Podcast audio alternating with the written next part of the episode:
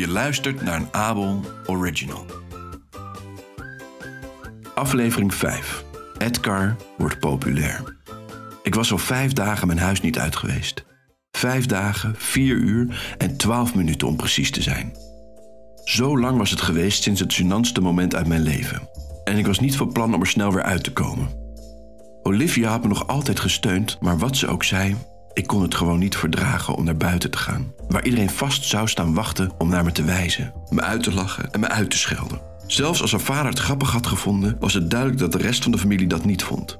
Telkens als Olivia langskwam om me te troosten en te vragen hoe het met me ging, kreeg ze weer een berichtje van een tante of een oom die vroeg mijn excuses aan te bieden voor mijn gedrag in de kerk. En ik verontschuldigde me. Natuurlijk heb ik dat gedaan. Ik zei sorry tot ik blauw aanliep.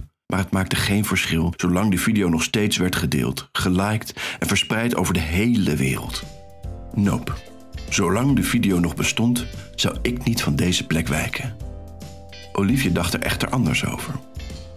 Het is niet alsof je er iets aan kunt doen. Het is net als niezen of struikelen. Dat iedereen kunnen overkomen. Maar het overkomt niet iedereen. Het is mij overkomen. Het overkomt mij altijd. Ik hoorde Olivia de kamer inlopen en voelde toen hoe Buster opsprong en bovenop me landde. Terwijl ik hijgde onder zijn gewicht, kwelde hij over mijn wang. Buster mist je. Zullen we een eindje met hem gaan wandelen? Gewoon door het park, meer niet. Ik rolde me om en duwde Buster weer op de grond. Goed, maar ik neem mijn oordoppen mee voor het geval dat. Buiten scheen de zon fel en hing het frisse lentegevoel in de lucht. Even voelde ik me rot dat ik dit gemist had. Maar een seconde later kwam de herinnering aan die video weer in me op. Het gevoel van schaamte was nog steeds niet weg. Olivia zag dat ik gespannen was en ze pakte mijn hand. Het gonste er van de activiteiten. Met mijn oordopjes in hoorde ik alleen maar stilte.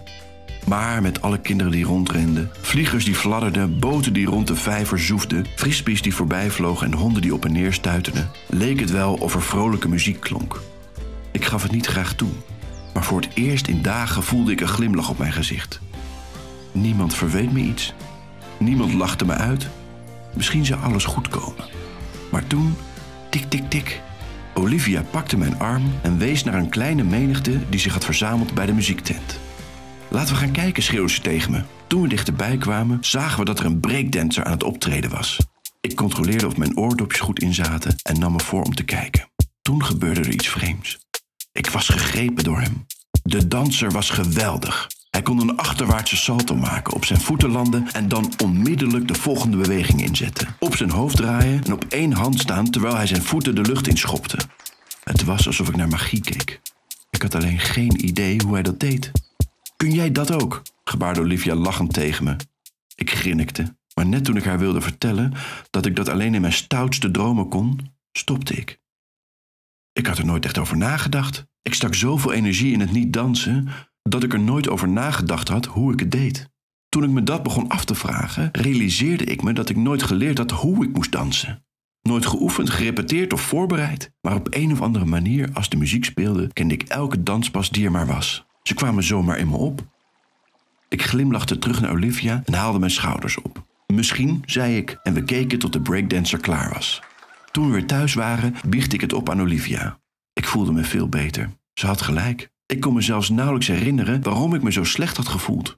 Iets stoms zeker. Maar net toen ik lunch wilde maken, hoorde ik een geluid in mijn stille flat. Mijn vingers begonnen te tikken. Mijn hoofd begon te bonken. Wat gebeurde er? Rock en roll, hard aan het spelen. Het was het liedje uit de video. Maar waarom? Terwijl ik mijn ellebogen uitstak en ze op en neer zwaaide, hoorde ik Olivia schreeuwen vanuit de woonkamer. Sorry, sorry, het spijt me zo. Ik wilde het niet hardop spelen. Ik was gewoon. Nou, ik zal het je laten zien.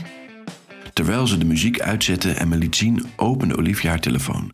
Ik huiverde toen ik de video zag en het gevoel van schaamte kwam terug. Ik wil er niet naar kijken. Maar kijk nou. Heb je de reacties gelezen? Reacties? Ik, ik heb het niet eens bekeken. Ik heb geen zin in nog meer meningen. Lees nou gewoon. De eerste waren precies zoals ik verwachtte. Mensen lachten, noemden me een weirdo en zeiden hoe ongepast het was. Moet ik me hierdoor beter gaan voelen? Er waren er meer. En deze waren anders. Deze jongen is geweldig. Ik hou van die bewegingen. Fantastisch. Ik wou dat er meer mensen zo cool waren. Meer video's, alsjeblieft. Ik wil net zo leren dansen als Edgar.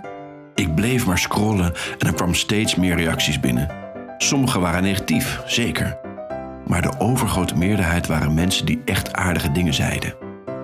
Hoe meer ik las, hoe meer ik zag dat mensen het heerlijk vonden om te zien dat ik gewoon mezelf was. Ze zeiden dat ik cool, zelfverzekerd en inspirerend was. Er was geen twijfel mogelijk dat de video me goed en echt mezelf liet zijn. Wow, het is niet allemaal slecht. Natuurlijk niet. Je wiebelde niet alleen met je kont, je danste echt. Je was jezelf. Toen we hadden geluncht en ontspannen op de bank zaten, merkte ik dat Olivia iets wilde zeggen. Ik vroeg haar wat er in haar hoofd omging. Weet je nog dat ik vroeg of je kon breakdansen? Ik zat er verder over na te denken. Dans je eigenlijk wel eens gewoon voor de lol? Ik heb er eigenlijk nooit aan gedacht. We keken allebei in elkaars ogen. Ik wist dat we hetzelfde dachten. Ik stond op en stak mijn hand uit. Misschien is het nu tijd om ermee te beginnen. Hoe zit het met de muziek? Het zit allemaal in mijn hoofd. We begonnen allebei te dansen, langzaam, met eenvoudige passen. Toen ik merkte dat Olivia wist wat ze deed en dat ik mijn lichaam gewoon uit zichzelf kon laten dansen, gingen we over op iets snellers. Voor we het wisten, waren we aan het jiven, salsa dansen en zelfs een beetje tango aan het dansen. Al deze dansen, hoe ingewikkeld ze ook waren, zaten in me. En in Olivia. Ze had genoeg natuurtalent om alles te kunnen volgen. We dansten tot laat in de avond, tot we uit moesten rusten. Na het eten dansten we nog wat meer. Ik probeerde zelfs een beetje te breakdansen. Ik brak een glas toen ik tegen de koffietafel sloeg. Maar het deerde me niet. Na een tijdje kon ik het als een professional. Tegen het einde sprong zelf Buster op en neer met ons, dansend op de muziek. Buiten adem en vermoeider dan ooit vielen we allebei rood aangelopen op de bank. Oh, poeh. Hoe voel je je? Als herboren. Goed, want ik heb een idee. Wat dan? Dat kan ik nog niet verklappen. Maar kom morgenochtend naar beneden en ik zal je alles vertellen. S'morgens toen ik wakker werd, kleedde ik me aan en ging naar Olivia. Toen ik de deur opende, schrok ik. In de voorkamer stond een statief opgesteld en ik zag Olivia een lamp kantelen zodat er licht op het tapijt viel. Ze had een telefoon aan het statief bevestigd en voordat ze iets had gezegd, wist ik al precies wat het plan was. We hoeven het niet te doen als jij het niet wilt. Maar ik denk dat het heel populair kan worden als we het goed filmen en We maken video's van mij terwijl ik verschillende dansjes doe. dat is het plan. Ja, ja, ja, laten we dat doen. Ik had niet gedacht dat je het zou willen. Eergisteren nog niet, maar gisteravond realiseerde ik me dat er een danser in me zit die ik moet accepteren. En ik genoot ervan. Ik genoot van dansen. Laat anderen meegenieten. Waar wachten we nog op? Welke dans ga je ons als eerste laten zien? Zet maar muziek op, laten we eens kijken wat er gebeurt. Toen, voor de eerste keer in mijn leven, wachtte ik op de muziek om te beginnen. Ik ging dansen. En het zou mijn beste dans ooit worden. Lichten, camera, muziek. Mijn voeten begonnen te tikken.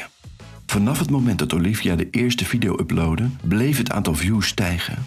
Iedereen herkende me meteen als de dansende kerkganger, maar nu had ik een nieuwe naam. Olivia had die bedacht toen ze de social media accounts maakte. En zodra ik hem hoorde, wist ik dat hij perfect was. Edgar, de dansman. De man die nooit stopt met dansen. En het was waar. Zodra de camera op mij gericht was en de muziek op gang kwam, liet ik de muziek door me heen stromen. Hoe vaker ik het deed, hoe meer ik ervan genoot en hoe beter mijn dansen werd. En hoe beter het werd, hoe meer mensen het leuk vonden. En hoe meer mensen het leuk vonden, hoe gelukkiger ik me voelde. Ik werd herkend op straat. Mensen vroegen me zelfs om mijn handtekening. Ik werd gevraagd om op te treden voor mensen op feestjes en daarna op festivals en shows. En al snel had ik meer dan een miljoen abonnees. En het groeide nog elke dag. Eindelijk voelde het alsof ik geen rare loser of zelfs een freak meer was. Ik was Edgar, de dansman. Het was nog maar een paar maanden geleden, maar op een ochtend, net nadat ik mijn dansles voor die dag had gefilmd, wendde ik me tot Olivia met een blik van ongeloof. Ik realiseer me net dat ik meer geld verdien met deze video's dan met elke baan ooit. Weet je wat dat betekent? Wat? Dit is je baan, Edgar. Je bent nu een danser. Ze had gelijk. Ik was geen ambulancechauffeur. Ik was geen verkeersleider. Ik was geen leeuwentemmer, geen piloot of autocoureur. Ik was de danser. Ik was Edgar, de dansman. Ik was eindelijk mezelf. En het voelde geweldig.